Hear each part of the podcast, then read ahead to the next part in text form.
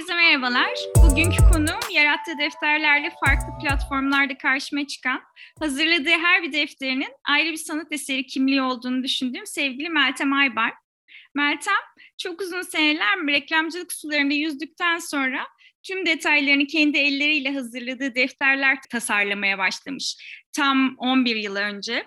Meli Melo adında bir marka yaratıp Kimi zaman çok önemli sergilerde bu marka altında, kimi zaman festivallerde defterleriyle karşılaştım. Çok değerli işler yapıyor ve kendi tabiriyle insanların günlerini mutlulukla kaplıyor. Sadece defter tasarlamakla da kalmıyor. Nasıl tasarlanacağına dair kimi zaman atölyeler açıyor. Kimi zaman işin mutfağını merak edenler için farklı deneyimleri barındıran kolektif sergiler. Diğer taraftan da lokal üretici kadınların el emeği işlerinin satılacağı bir platform hazırlayarak birlikten güç doğacağını bizlere göstermeyi de ihmal etmiyor. Hoş geldin Meltemciğim. Hoş bulduk Denizciğim. Şimdi ben biraz küçük bir giriş yaptım ama sen anlatır mısın? Bambaşka bir eğitimden geldin, bambaşka bir iş hayatın oldu. Hangi noktada defter tasarlamaya başladın? Şöyle bahsedeyim. Ben aslında radyo, televizyon, sinema mezunuyum.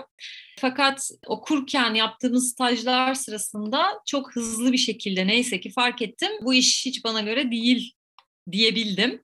Dolayısıyla mezun olduktan sonra da o sularda hiç yüzmedim. Bir uluslararası Fransız otomotiv firmasında 13 yıl boyunca reklam sorumlusu olarak görev yaptım. 13 yılın sonunda da ikinci kızım doğmuştu o zaman, 2 yaşındaydı. 2010 yılında dedim ki bu kadar yıldır zaten kurumsal hayattayım. Defter tasarlamaya nasıl başladın? Defter tasarlamaya aslında istifa ettikten sonra bir Nisan ayıydı. Ben bütün üç ayımı yaz dönemini kızlarımla geçirdim. Sonra Ekim ayında benim en küçük kız kardeşim, biz üç kızız, doğum günüydü. Ve onun doğum günü için el yapımı bir hediye hazırlamak istedim. Hazırladığımda aslında bir kutu gibi bir şey düşün. Onun içinde böyle o da yemek yapmayı çok seviyor. Yemek tarifi defteri de koyayım bunun içine diye düşündüm. Tabii gittim o sırada bilmiyorum ben hiç. Kırtasiye'den bir defter satın aldım. Ama o defteri kendim evdeki kumaşlarla üzerine patchwork cinsi bir şeyler yapıp bir kap hazırladım. O kumaşla tekstil parçasıyla da defteri kapladım. Ona içine de kendim yemek tarifi yazdım, resimledim. Öyle verdim. Arkadaşları da çok sevdi. Benim anneme de yapar mısın, bana da yapar mısın? Ben böyle işte gidiyorum gidiyorum kırtasiyeden defter alıyorum. Kendimce yapıyorum. Kim defter dikim teknikleri hiç bunlarla ilgili bir bilgim yok. Sadece çok meraklıydım tabii yıllar boyunca. Hep defterlerim oldu yazmayı, çizmeyi çok sevdim bütün bu dijitalleşme sürecine inat. Ama tabii hiç dediğim gibi bir bilgim yok. Dolayısıyla hep ben bir dönem öyle hediye ederek defter al, kapla. Sonra çok sevdiğim bir arkadaşım o zaman restoran sahibiydi Galata'da. Kendi çok güzel de tarifleri var. Bana dedi ki ben her zaman restoranımda bir yemek tarifi defteri olsun, kitabı daha doğrusu olsun istiyorum. Dışarıdan defter alıp içini böyle istemiyorum. Hani güzel kağıtlarla yapalım Nasıl bir şey yapabilirsin onu sen bak dedi. Tabii o noktada bir anda böyle bir ampul yandı bende. Hadi gittim tabii kağıtçıları araştırdım. Sonra daha önce çalıştığım bir matbaa vardı. Onlardan yardım istedim. Benim bulduğum kağıtlarla matbaa dikişi defterler yapmaya başladılar. Yine ben sadece kapak için kendim tasarlıyordum. Onların diktikleri iç sayfalara onları monte ediyordum. Fakat bir süre sonra tabii bununla ilgili araştırmaya adadım kendimi. Oraya kanalize oldum. Bunun da faydasını çok gördüm. Çünkü matbaadan gelen defteri hatırlıyorum önüme alıp dikkatlice falçatayla parçaladığımı, notlar alıp fotoğraflar çektiğimi, ipliği buradan geçirmiş, bunu kapak için şurayı şöyle monte etmiş, kenarına şunu sıvamış diye.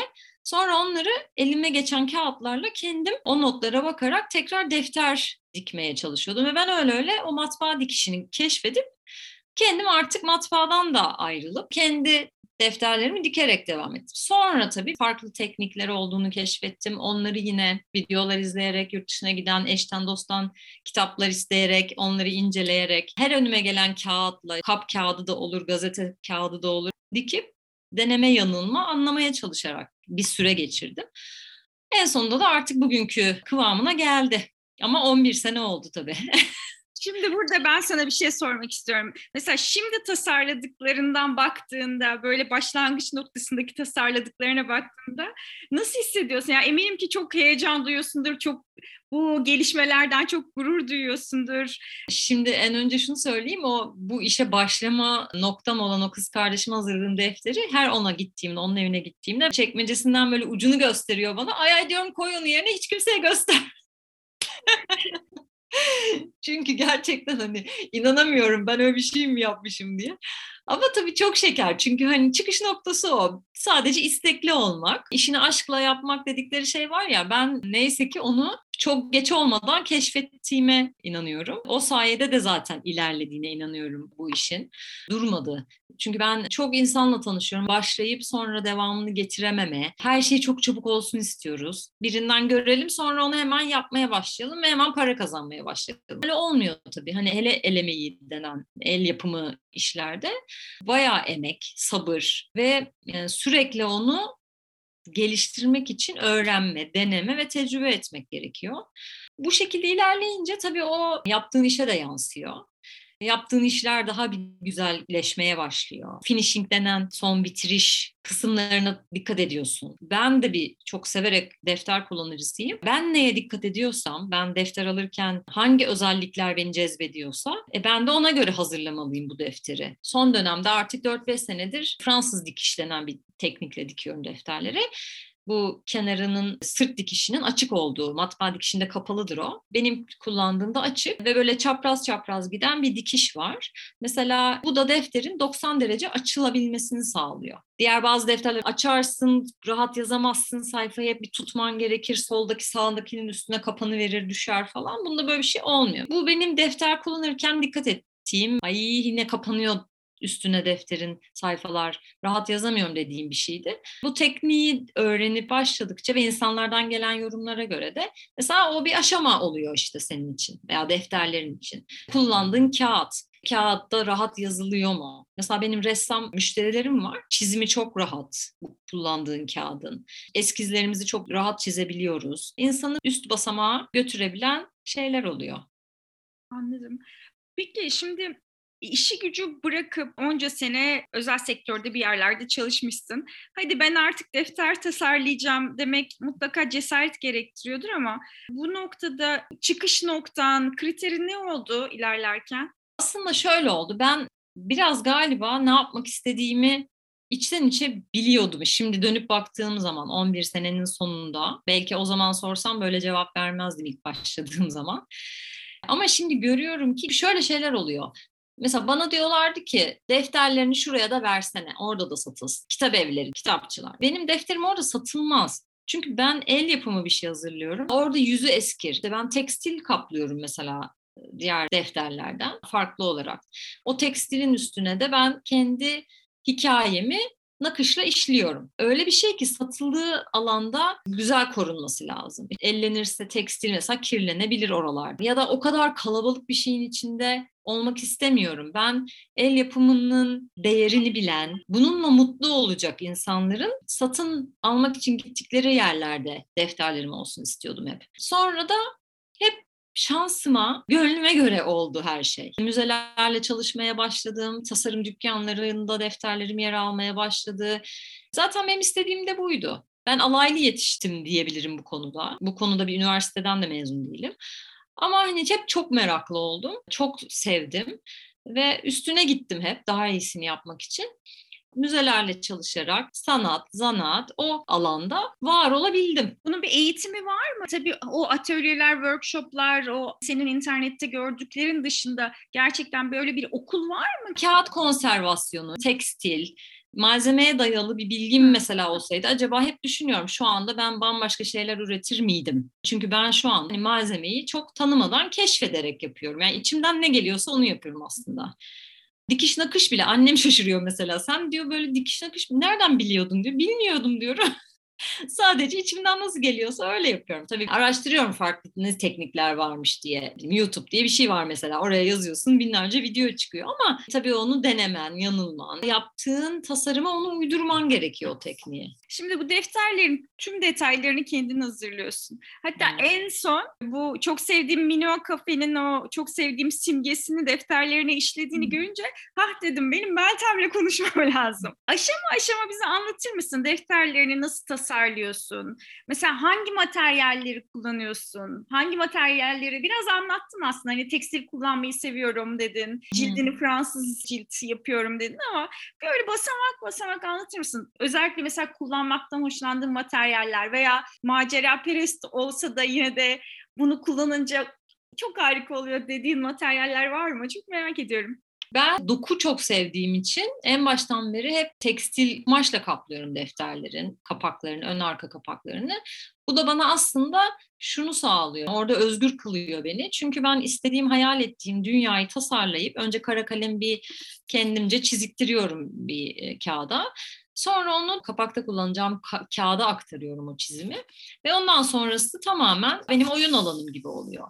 Renklerine karar veriyorum, nakış ipliklerinin, ona uygun şekilde sırt dikişinin renklerinin ortaya çıkışı geliyor. Arka kapakta nasıl olacak o geliyor. Ama tabii şöyle oluyor. Her bir grup defterinde kendi hikayesi ve beraberinde getirdiği benim kullanmakla ilgili bir fikrimin geliştiği malzemesi oluyor. Minoa kafe dedin. Onun logosunu bana verdiklerinde gözümde canlanıyor. Mesela ben o logoyu alıp diyorum ki şurasını şu, şu renk, burasını bu renk işlerim. Sırt dikişi de böyle olur diye görüyorum onu mesela gözümde. Sonra onu uygulamaya geçiyorum. Veya dokuma atölyelerine gitmiştim. Kendimizle ilgili keşfettiğimiz şeyler. Heyecan duyarız veya sarsılırız. O öyle bir dönemim olmuştu. O dönemde de biraz böyle kadın temalı bir işler ortaya çıkmaya başladı. Ama biraz duygularla ilgili. Birbirimize nasıl aslında hepimizin bağlı olduğumuzla ilgili. Bunu benim hayata geçirebilmem için bir şey eksik. Yani bir materyal mi, bir teknik mi? Ve öyle kenarda duruyordu. Ben sevgili Fırat Neziroğlu'nun onun da kulaklarını burada çınlatayım. Çok seviyorum kendisini. Onun dokuma atölyelerine katıldım birkaç kez. Ve ona da söyledim. O dokumayı ben öğrendikten sonra bir anda oradaki boşluk doldu ve ben şimdi geri planda aslında onları çalışıyorum. Benim oradaki vermekte eksik olduğunu düşündüğüm duygumu dokumayla verebildim mesela. Bunlar hep böyle karşıma çıkıyor, birbirini tamamlıyor. Malzeme seçimi de böyle oluyor. Konu aslında neyse ben ona göre şekillendiriyorum. Yoksa ben her zaman tekstil kullanırım ve başka da hiçbir şey kullanmam benim markamın malzemesi budur diyemem. Ben Sabancı Müzesi ile Zero sergisinin defterlerini hazırlamıştım, onlarla çalışmıştım. Orada da mesela o zero, sıfırı simgeleyecek bir şey kullanmam gerekiyor ama orada nakış olmaz. O serginin ruhuna uygun gelmemişti bana mesela. Nalburları gezdim. Öyle bir malzeme buldum ve onlarla yapmıştım defter kapaklarını. Biraz aslında gelen işin ruhu, hikayesi, ne çağrıştırıyorsa onunla şekilleniyor. Kişiye özel defterler de yapıyorsun. Hatta burada bir parantez açmak istiyorum. Bizim Meltem'le yollarımızın kesişmesinin 6 sene önce Uzay'ın doğumuna denk geldiğini söylemem lazım. Çünkü Meltem Uzay için çok güzel bir defter tasarlamıştı. Ben ondan sonra Meltem'i çok yakından takip etmeye başladım. Bu noktada bu Minoa'dan yola çıkarak bu sadece kişiye özel defterler değil, sen kendin de anlattın, kurumsal projelerde de varsın ve mesela Zero'dan bahsettin. Sabancı Müzesi'nde sergiyi gezerken defterlerinle karşılaşmıştım. İstanbul Müzesi, Pera Müzesi'nde de tasarladığın defterler vardı ama bunların yanında Masumiyet Müzesi, Oyuncak Müzesi, 16. İstanbul Bienali 7. kıta için ürettiğin defterler var. Kyoto'da Kumi Kubota'nın sergisi için hazırladığın defterler, Küreya sergisi, Taste of Turkey Festivali, Tuze Sanat Evi sergileri diye uzun uzun gidiyor liste. Bu müzelerde, festivallerde kurumsal bir şekilde var olma serüveni nasıl başladı? Nasıl evrildi? Bunların hepsi aslında gerçekten çok güzel insanlar çıkarttı hayat karşıma. Güzel bir insanla tanıştım. Ben santral dükkan sahibi Defneciğim sağ olsun. Daha ilk tanışmamızda bana ve defterlerime sonsuz güvendi ve hemen burada dedi sergilemek, satmak istiyorum. Sonra biz onunla tabii çok yakın arkadaş olduk. Bir gün böyle sohbet ederken de Defne ile o da bana Sabancı Müzesi'nden bahsediyorduk ve orada tanıdığı bir arkadaşı olduğunu, beni tanıştırmak istediğini söyledi. Ben de tabii çok sevindim. Ve gittik tam o sırada da Zero sergisinin başlamasına birkaç ay kalmıştı. Bana hemen sergi materyallerini ilettiler. Üzerinde detaylı bir konuşma yüz yüze gerçekleştirdik. Ve ben onlara örnek defterler hazırladım. Sonra o defterler bir baktım sergide. İnanamamıştım. Hiç unutmuyorum vapurla yani defterler kabul edildi ve bana sipariş geçeceğiz mail atarız dediler ve ben oradan çıktım. Beşiktaş'a vapura gittim. Böyle vapurda Leyla gibiyim. Ben Sabancı Müzesi'nde defterlerim sergide falan. tecrübesizliğin verdiği bir mutluluk Sabancı'dan bir şekilde Pera Müzesi'ne geçiş oldu. Onlarla 2015'ten beri birlikteyiz. 2015'ten beri ben Pera Müzesi 3 ayda bir neredeyse diyeyim düzenli olarak sergileri oluyor ve ben 2015'ten beri şimdi düşününce 3 ayda bir onlara her sergi için yeni defter hazırlıyorum. Orada da görseller, bilgiler iletiliyor, konuşmalarımız oluyor, benim okumalarım oluyor. Sonra bana verdiği duygu ve hisle o defterler ortaya çıkıyor. Her seferinde yeni bir heyecan. O yüzden çok büyük mutluluk. Bir de şöyle de bir şey var. Sen sadece bu defterleri tasarlamıyorsun. Aynı zamanda kendi yaptığın işlerin mutfağını anlattın. Bir de serginiz oldu değil mi? İşlik Atölye evet. ile ortak serginizde bu.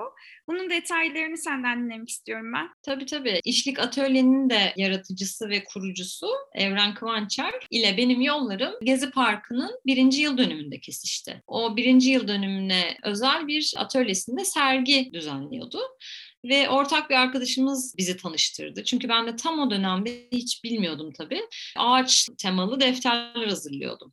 Bu defterlerin o sergide yer alabileceğini düşünmüş bizim ortak arkadaşımız ve bizi tanıştırdı. Ve ondan sonra neredeyse işte 6-7 yıl olmuş bizim yollarımız bir daha hiç ayrılmadı evrenle. O kadar güzel tuttu ki bizim bütün enerjimiz. Biz sürekli birlikte üretmeye ve bunu paylaşmaya başladık. Bahariye'de, Kadıköy'de bizim 16 metrekarelik bir odamız oldu. Buraya da proje odası dedik.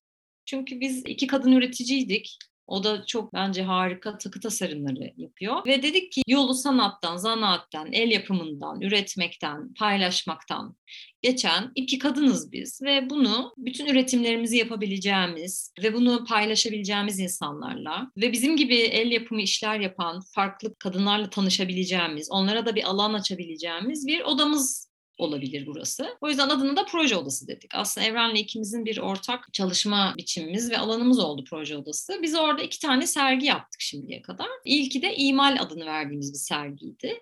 Tamamen bizim üretim biçimlerimiz, kullandığımız malzemeleri anlattığımız, işin mutfağını aslında insanlara göstermek istediğimiz bir sergi oldu. Çünkü genelde öyle sorular çok oluyor. Hangi malzemeleri kullanıyorsunuz? Nelerden esinleniyorsunuz, faydalanıyorsunuz? Biz tamamen Bunları sergiledik ve çok ilgi çekmişti o zaman. İnsanlar gerçekten gezdiler, sevdiler. Bir sene sonrasında da ikinci bir sergimiz oldu. Oraya devam edeyim mi yoksa? Evet, evet, evet mutlaka devam et. Hatta sen onu çok güzel anlatıyorsun. O imalde dışarıdan içeri bakıyorsunuz. Evet.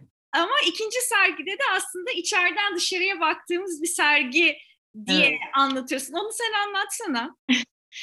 Şimdi hakikaten öyle oldu. İmal biraz bizim işin mutfağı dedim ya, o bizim iç tarafa yönelik bir sergiydi. Hem e, malzeme anlamında hem de kendi içimize dönük. Biz neyden ilham alarak bunu yapıyoruz? E, malzemeyle, hangi malzemeyle birleştiriyoruz hayallerimiz gibi bir sergiydi.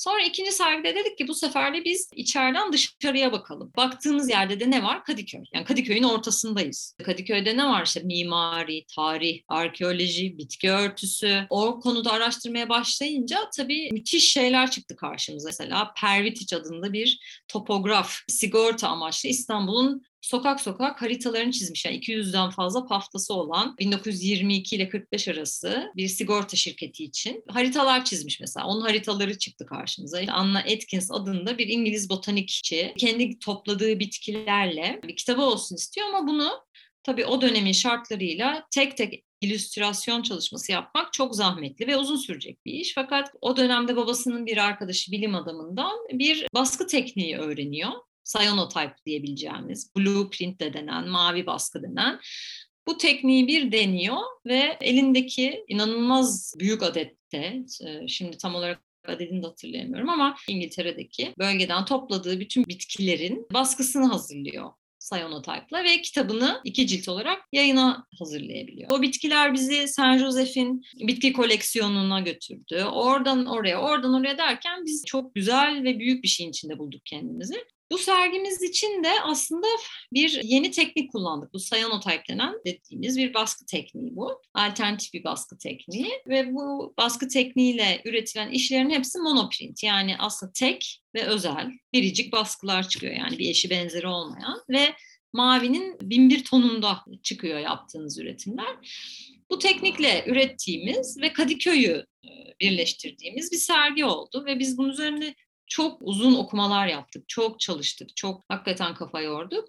Ve sergimizin adını da sonunda Hayalet Kalkedon koymuştuk. Çünkü orada aslında hem Kadıköy'ün eski zamanlarını hayal etmek vardı. Biraz böyle kelime oyunu olmuştu.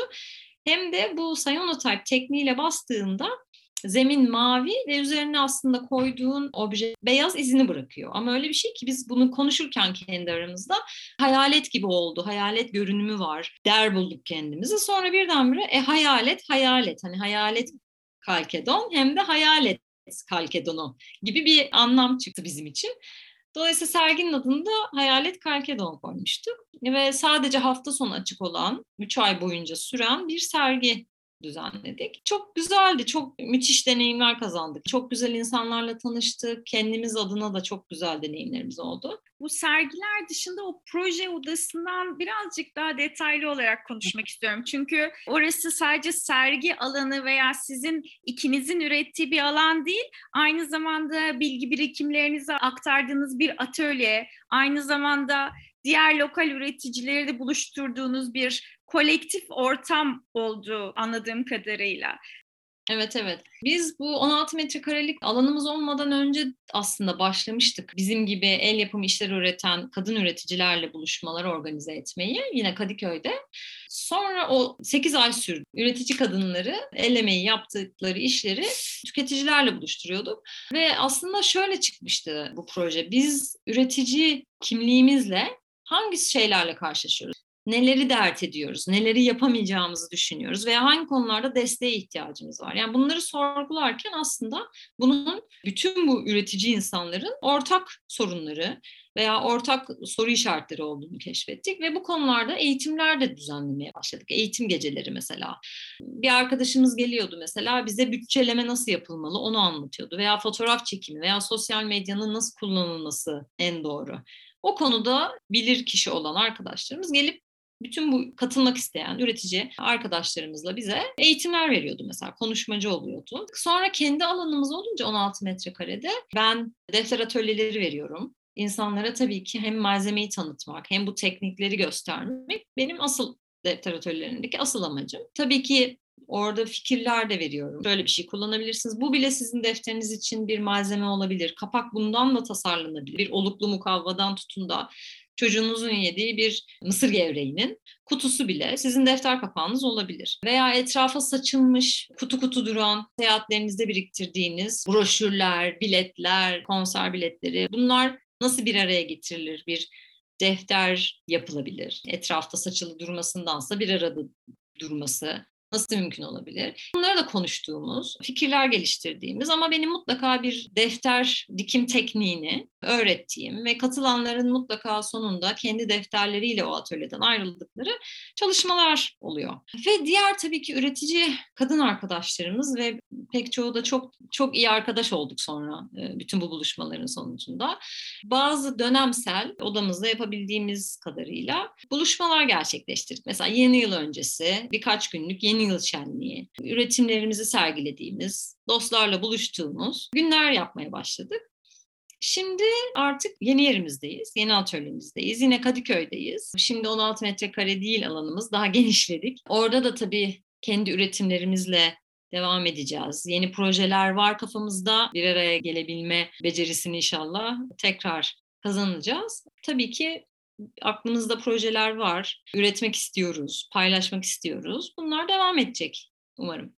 Yaptıklarınız çok kıymetli aslında. Yani sen düşünsene defter tasarlamaya başladığında böyle atölyeler olduğunu zannetmiyorum. Sen tamamen kendin el yordamıyla yolunu bulmaya çalışırken şu anda bilgisini paylaşan, bu konuda merak hisseden insanlara ışık oluyorsun. Onun için çok kıymetli olduğunu düşünüyorum bu atölyelerin. Peki sana sormak istediğim şey şu. Hayal ettiğin bir şey var mı? Şu ana kadar gerçekleştirmedim ama bundan sonra hayalimde bu var dediğin. Aslında herkese soruyorum bu programa katılan bir kabına sığmayan olarak ne hayalin var gerçekleştirmek istediğin? Benim aslında konuşmamız sırasında da bahsettiğim bir bu kendi içsel yolculuğundan yola çıkarak hazırlamaya başladığım ama şu anda sadece işlerin gelen işlerin arasında işler hafifledikçe önüme alıp çıkarıp devam ettiğim sonra böyle güzelce kenara tekrar yerine kaldırdığım bir üretimim var.